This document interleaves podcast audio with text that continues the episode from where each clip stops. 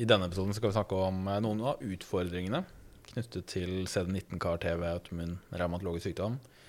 Eh, og som sagt, to åpenbare utfordringer er jo pasientseleksjon, altså hvem skal behandles, og kostnaden knyttet til dette her.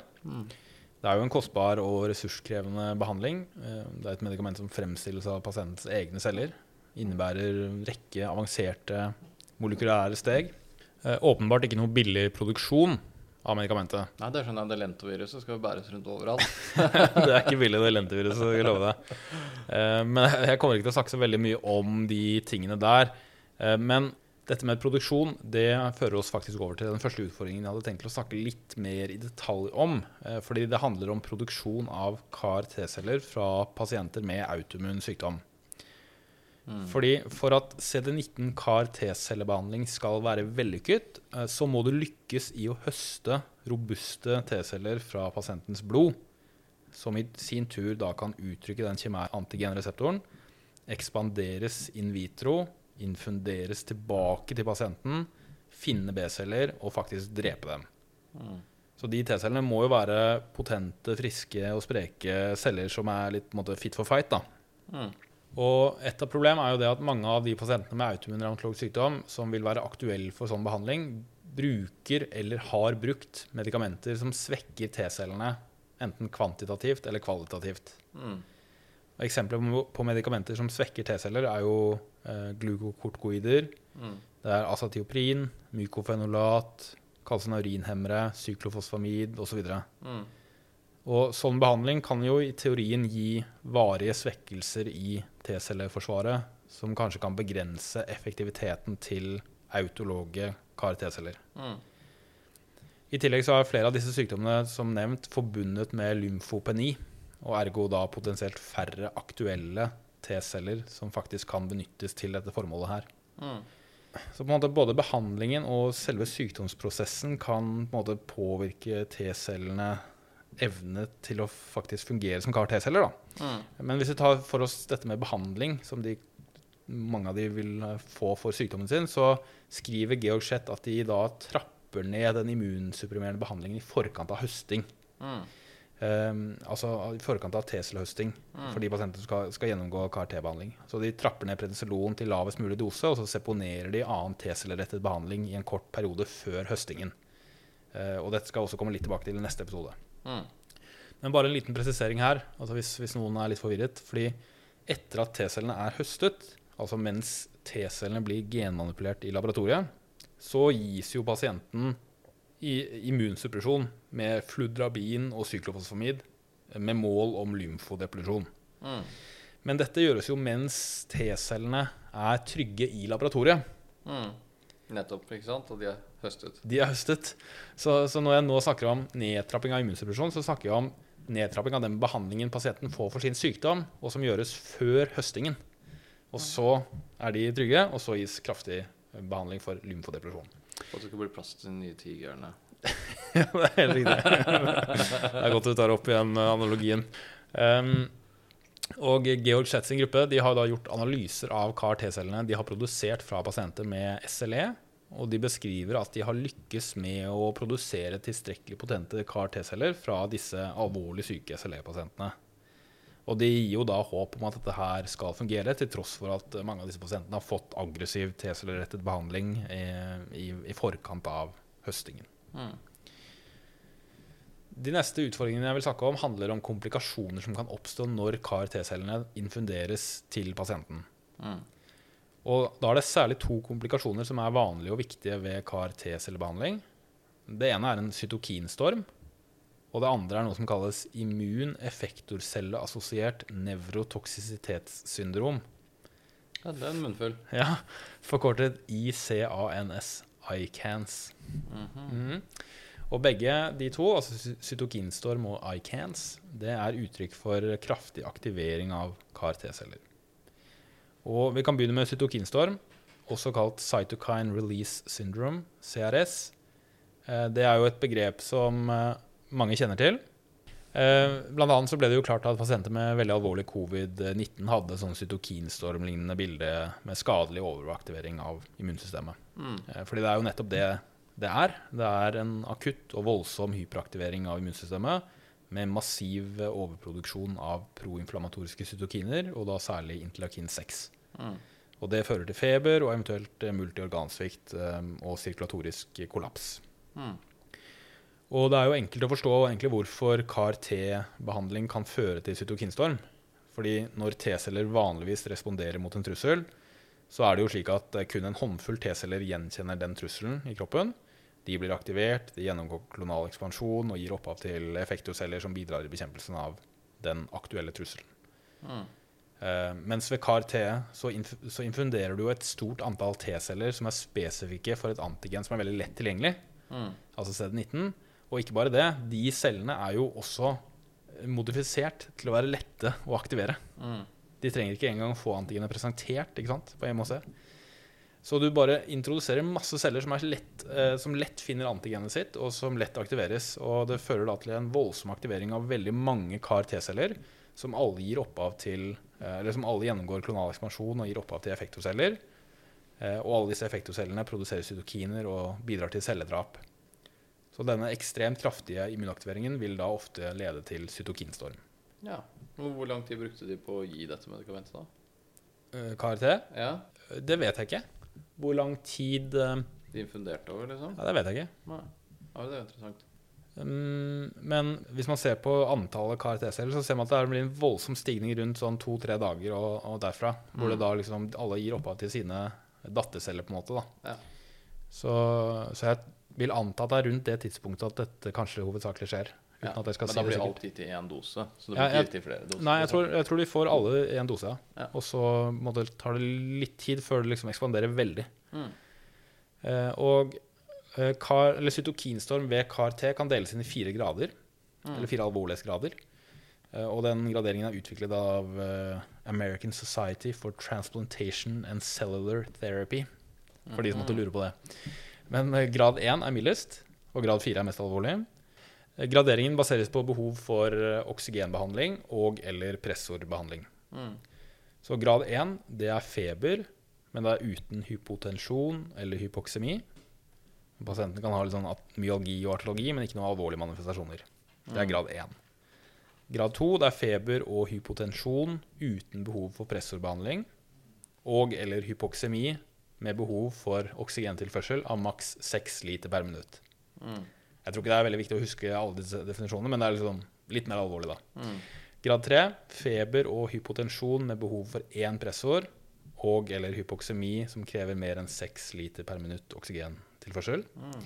Og grad 4 feber og hypotensjon med behov for flere pressorer og eller hypoksemi med behov for CPAP, BIPAP eller mekanisk ventilasjon. Ja. Av alle som får CAR-T-behandling for kreft, så vil mellom 30 til 90% utvikle cytokinstorm. Det er ulike tall i ulike materialer, da, men det er jo vanlig. Eh, Og cytokinstorm grad 3 eller 4 er mindre vanlig. Det er oppgitt å være sånn mellom 1 til 20 ca. Mm. Så mellom Fortsatt ganske mange, da. Ja. Det høres jo veldig syke ut. Ja. Så det er en eh, komplikasjon som ofte oppstår. da. Og behandlingen det innebærer vanlige ting sånn som Paracet og væskebehandling.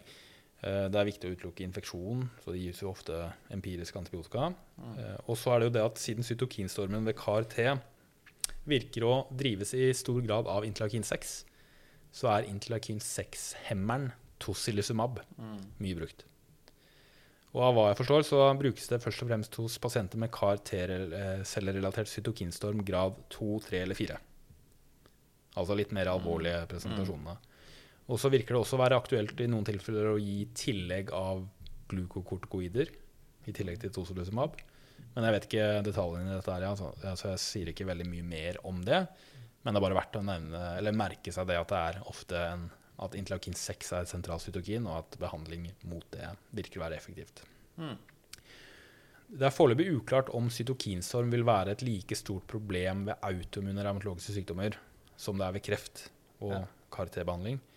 Eh, igjen, Georg Schett eh, sin erfaring uh, tilsier at det virker å være et mindre problem Mm. ved revmatologiske sykdommer. Kanskje fordi igjen antall B-celler er færre, da. Mm. Og at det blir en, da en litt mindre eh, kraftig T-celleaktivering. Men det vil nok helt sikkert skje tilfeller av alvorlig cytokinstorm også hos pasienter som får den behandlingen for autoimmun revmatologisk sykdom. Altså. Så er det interessant da hvis tocilizumab, eller IL6-hemmer, kan eh, begrense responsen på behandlingen. da. Det kan man jo tenke seg at det, det gjør. Mm. Så det er et veldig godt uh, poeng. Og uh, ved noen form for sånn immunstimulerende behandling så er jo ofte immunrelaterte bivirkninger også et uttrykk for effekt, på en Mm. måte. Så, Mm. Men kanskje man kan håpe at hvis man blir nødt til å trå til med tocilizumab, at uh, man da på det tidspunktet har faktisk drept mange av de cellene som skal drepes, da. Det er et godt poeng. Men jeg vet ikke. Det gjenstår å se. Og eh, det, hvis dette blir i utstrakt bruk i revmatologien, eh, så vil det nok også være klare retningslinjer etter hvert for hvordan man skal bruke tocilizumab eh, i den populasjonen. Da. Mm. Men jeg ser at de kreftmiljøene har i hvert fall retningslinjer for hvordan det behandles ut fra gradering osv. Mm. Hvis vi går videre til immuneffektorcelleassosiert nevrotoksisitetssyndrom, ICANS, så, så er det altså en annen forholdsvis vanlig komplikasjon av KRT-behandling i onkologien. Det er rapportert mellom 20, hos mellom 20 og 60% av pasienter med kreft som får sånn behandling. Og dette oppstår gjerne fem dager etter CAR-T-celleinfusjonen eh, og opptrer ofte sammen med cytokinstorm. Og det kjennetegnes av ulike nevrologiske symptomer. Det kan være forvirring, eh, agitasjon, epilepsi, hjerneødem. Og mange opplever problemer med språk og håndskrift, eh, tydeligvis. F.eks. ordleting eller afasi. Mm. Og så virker det som at preeksisterende CNS-sykdom kan predisponere for utvikling av CAR-T-cellemediert immuneffektorcelle-assosiert nevrotoksisitetssyndrom. så Prøv å si det med ICANS pågående. ja, det er, det er umulig hvis du har det. Det er nok helt sant. Eh, men mekanismen som ligger til grunn for ICANS, er ikke fullstendig forstått. Eh, Men det kan være snakk om at eh, massiv cytokinproduksjon fører til eh, på en måte kompromittering av blod-hjernebarrieren. Eh, Og så at det blir en eller annen sånn type påvirkning av eh, eh, sentralnervesystemet. Og igjen, hvor vanlig dette vil være hos pasienter med autoimmun revmatologisk sykdom, det er uvisst. Men Mm. eh, det er verdt å merke seg at eh, SLE har jo Det er jo en andel pasienter med SLE som har CNS-affeksjon. Mm. Eh, og eh, de har presisert det i den eh, case-seriesen fra Georg Schett sin gruppe, at det var ingen av pasientene med SLE som hadde CNS-affeksjon, av de som fikk Mm. behandling. Og hvorvidt de aktivt valgte den bort, det vet jeg ikke. Men, Mm. eh, men det er i hvert fall eh, nevnt i oversiktsartikkelen at, eh, at dette med pre-eks- pre-eksisterende CNS-affeksjon kan kanskje bidra med noen utfordringer Mm. rundt dette her ved autoimmun sykdom. Yes, uh, Dette var det jeg ville si om uh, komplikasjoner av T-celleaktiveringen. Men det neste jeg vil uh, si litt om, er infeksjonsrisiko. da. Fordi Før infusjon av CAR-T-celler så vil jo pasientene få denne lymfodepresjonsbehandlingen for å gjøre plass for CAR-T-cellene. Mm. Og da vil de jo ha litt svekket immunsystem. Eh, Selv om de måtte raskt får tilført T-celler igjen, så er jo dette CAR-T-celler Mm. eh, som dreper B-celler og ikke mikrober. Så det vil jo være en periode hvor deres immunsystem vil være kompromittert. Da. Eh, Og hvis vi ser litt større og lengre på det, så er det jo slik at ved CD19 CAR-T-cellebehandling så elimineres B-celler, plasmablaster og B-hukommelsesceller. Mm. Plasmacellene elimineres ikke. Eh, De kortlivede plasmacellene vil jo dø ut, og de vil ikke kunne erstattes av nye, siden du har fjernet eh, forstadiene. Mm. Men de langlivede plasmacellene de forblir i kroppen. Og det er som nevnt, det er disse som produserer de lave nivåene av antistoffene i etterkant av infeksjon eller vaksinasjon. Eh, og det er jo de antistoffene som i stor grad måles hos friske personer når man kvantiterer immunglobuliner i blod. Mm. Eh, det betyr at pasientene vil ofte, opp, vil ofte unngå hypogammaglobulinemi, Mm. og vaksineresponsen målt med antistoffnivå Mm. vil bestå.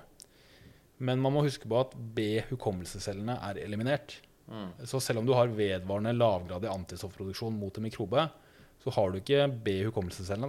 da. Så eh, hos en pers person med normalt immunsystem, så er det jo disse B-hukommelsescellene som gjør at responsen mot et patogen blir mye sterkere ved andregangseksponering. Mm. Fordi hukommelsescellene blir raskt aktivert og gir raskt opphav til potente B-effektoceller.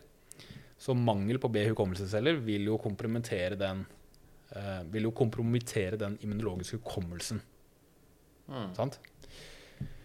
Så selv om du har antistoffer som ser ut som du er, har en vaksinerespons, så bør du f.eks. få nye vaksiner. da. Ja. Um, og um, derfor så, eh, sånn som jeg forstår det, så etter CD19-KRT så revaksinerer de på samme måte som de gjør etter HMAS. Mm. For å bygge opp nye hukommelsesceller. da.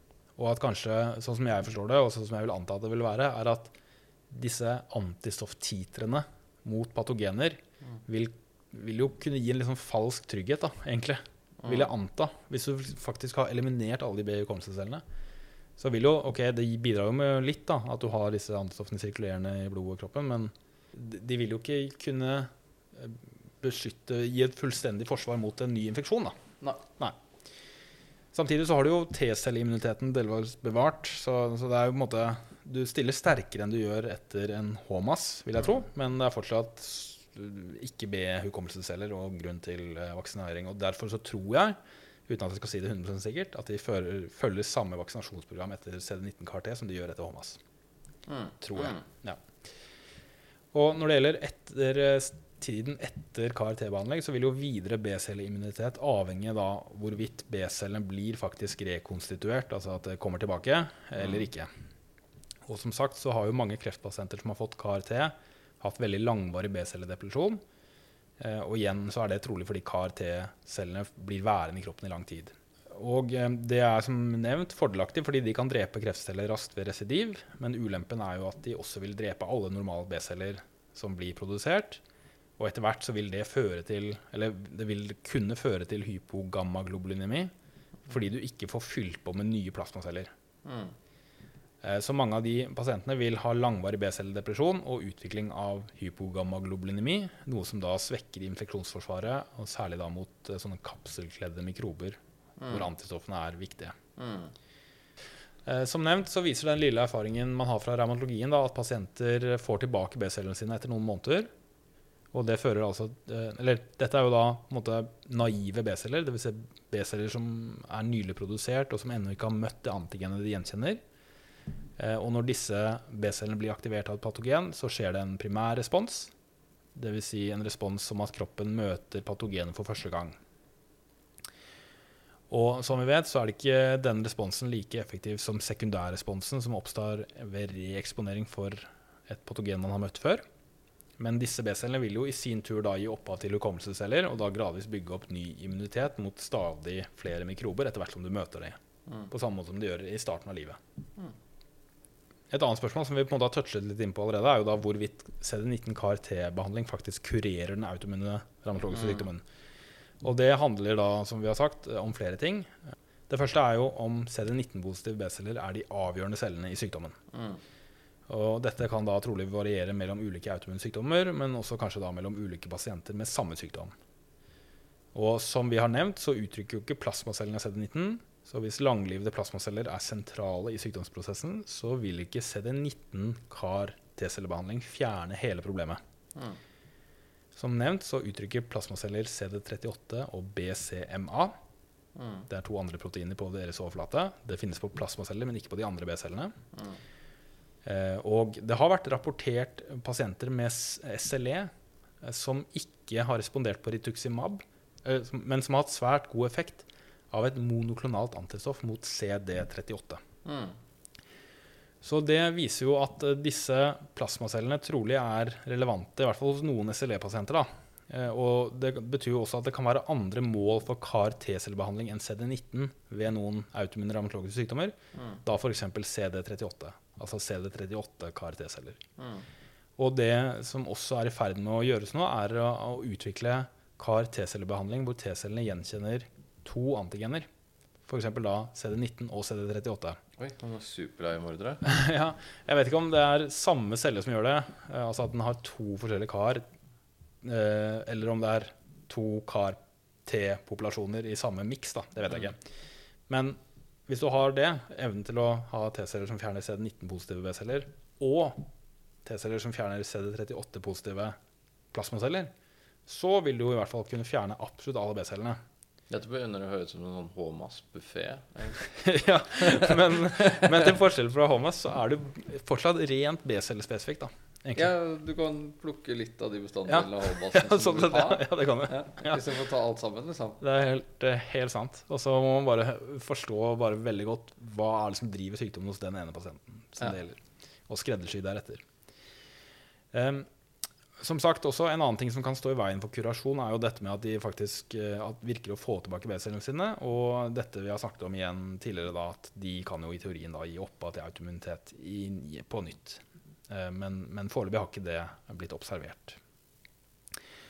Eh, og som vi skal snakke om i neste episode, så har de pasientene som har fått én runde med CD19-CAR-T, de har avsluttet all annen immundempende medisin og vært i medikamentfri remisjon etter den ene behandlingen, hvorav den ene har vært observert i to år uten å få residiv av sykdommen.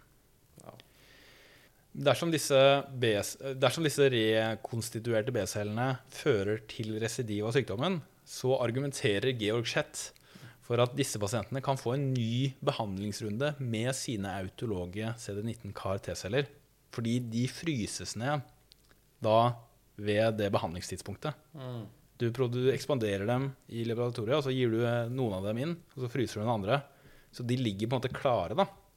Og at de bare kan tines opp og gis på nytt. Eh, Jeg vil anta at det krever en ny runde med sånn lymfodepresjon, da. Men det, det presiserer de ikke i oversiktsartikkelen.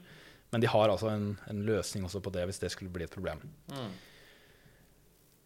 Eh, Det er en annen utfordring knyttet til autolog CAR-T-behandling ved autoimmun revmatologisk sykdom. Eh, Og det er det at eh, som sagt så har alle mennesker autoreaktive lymfocytter i sirkulasjonen. Men jeg tror det er rimelig å anta at antallet autoreaktive lymfocytter er høyere hos de som har en manifest autoimmun revmatologisk sykdom. Vil jeg tro, da, enn eh, de som ikke har det. Og når du, gjør, når du høster T-celler og modifiserer dem i laboratoriet, så vil jo de T-cellene starte å uttrykke denne kimære antigenreseptoren. Men de mister ikke sin native T-cellereseptor. Det vil si at de uttrykker jo da både sin native T-cellereseptor og CAR. Så du risikerer faktisk da å ekspandere en autoreaktiv T-celleklon, som nå er en CAR T-celle, men som også da har en autoreaktiv T-cellereseptor. Eh, og at du da plutselig infunderer veldig stort antall autoreaktive T-celler tilbake til pasienten Mm. Når den pasienten har blitt lymfodeplert, og at det da på en måte tas massiv bolig med masse sånne autoreaktive T-celler. Som jo selvfølgelig kan være et problem, særlig hvis det er de sykdomsdrivende T-cellene du gir tilbake. da, Hvis det er en T-cellekomponent av sykdommen. Men foreløpig så har de ikke observert noe sånt i de pasientene som har fått behandling med dette her. Og eh, Georg Schett skriver også at de tror at T-celler som blir aktivert både gjennom CAR og sin native T-cellereseptor eh, samtidig, altså hvis aktiveringen skjer gjennom begge reseptorene, at de trolig dør av utmattelse raskt. Eh, Mm. Men det, det får man jo se, da, om, om, det, om, om det vil oppstå sånne problemer eh, med autoimmunitet av, i CAR-T-cellene. Sånn sett er det kanskje flaks at det er mye B-celler, da. At Ja. den CAR-T-reseptoren vil sannsynligvis bli aktivert. Ja. Og så om den skulle være så uheldig å komme borti det sjeldne autoantistoffet. Så vi håper og tror at det ikke blir noe problem. Eh, Hvis vi helt til slutt eh, tar opp igjen dette med kostnaden, da, så er det jo som sagt åpenbart kostbart, men eh, Georg Schett har en, et argument i den, mot det problemet også. Og han fremmer kostnadsperspektivet knyttet til kurasjon. Fordi hvis du faktisk klarer å kurere sykdommen, Mm. eller i det minste oppnå mangeårig medikamentfri remisjon, så er det jo en kostnadsbesparelse der som er ganske betydelig. Mm. Altså at du unngår kostbar behandling, og du ved å, ved å måte bremse sykdommen, eller kurere sykdommen, at du eh, begrenser sykehusopphold, du kan forhindre dialyse, eh, og sånne måte, andre komplikasjoner av sykdommen. Så frem til ikke man følger opp for immunsvekt pga. B-celle. Ja. da. Det er sant. Men, eh, men han, eh, de argumenterer for at det måte kan bli et netto kostnadseffektivt, egentlig. da. Ja. Og, og når det gjelder kostnaden knyttet til selve behandlingen, så er det kostbart nå, eh, men det kan jo bli rimeligere med tiden. da. Og eh, til nå så benyttes jo autologe CAR-T-celler, hvor de må modifiseres for hver enkelt pasient. Men det skrives at det også jobbes med å utvikle allogene CAR-T-celler. Altså allogene CD19 CAR-T-celler som er masseprodusert, og som gis sånn off the shelf. Det må jo være veldig interessant, for jeg tenker da har du jo ikke noe cytotoksiske CAR-T-celler som får gjenleve. De vil jo bli drept av det immunsystemet som er der. Ja, at, Sannsynligvis. eh, ja, at uh, de kommer inn, dreper alt, og så dreper dine cytotoksiske T-celler de fordi de er fremmede. Ja. Eh, det Tror du det går? Jeg, det er ikke utenkelig, det. Og så er jo uh, Flipsiden er jo en slags sånn graft versus host-situasjon igjen. da. Jeg vet ikke om det er et problem uh, i den situasjonen. Men det kan jo være interessant hvis man liksom kan skru av disse Ja. CAR-T-cellene etter hvert. Ja. Ja. Eh, Interessant tanke, men eh, veldig, veldig komplisert, kanskje. Eh, nei, altså, i hvert fall Jeg har ikke noe godt svar på det, men, men at det kan redusere kostnadene, virker i hvert fall plausibelt. da, At du kan produsere større batcher og så gi det mer som et slags eh, ferdig, ferdig utviklet medikament. hadde jeg sagt. Eh, så hvis det viser seg å være effektivt og ha samme, samme måte, dynamikk som de autologe, så er jo det veldig, veldig interessant. Og um, uansett om det er autologt eller allogent, eller hvordan dette blir, så er det i hvert fall starten på noe som virker å være utrolig interessant. Da. Eh, og eh, på en måte et steg i riktig retning av å prøve å kurere disse sykdommene. Og i neste og siste episode om CAR-T for denne gang, så skal vi snakke litt om, eller gi noen eksempler på de pasientene som har blitt behandlet i Erlangen av Georg Schett og co. Klar for det? Veldig klar. Jeg gleder meg.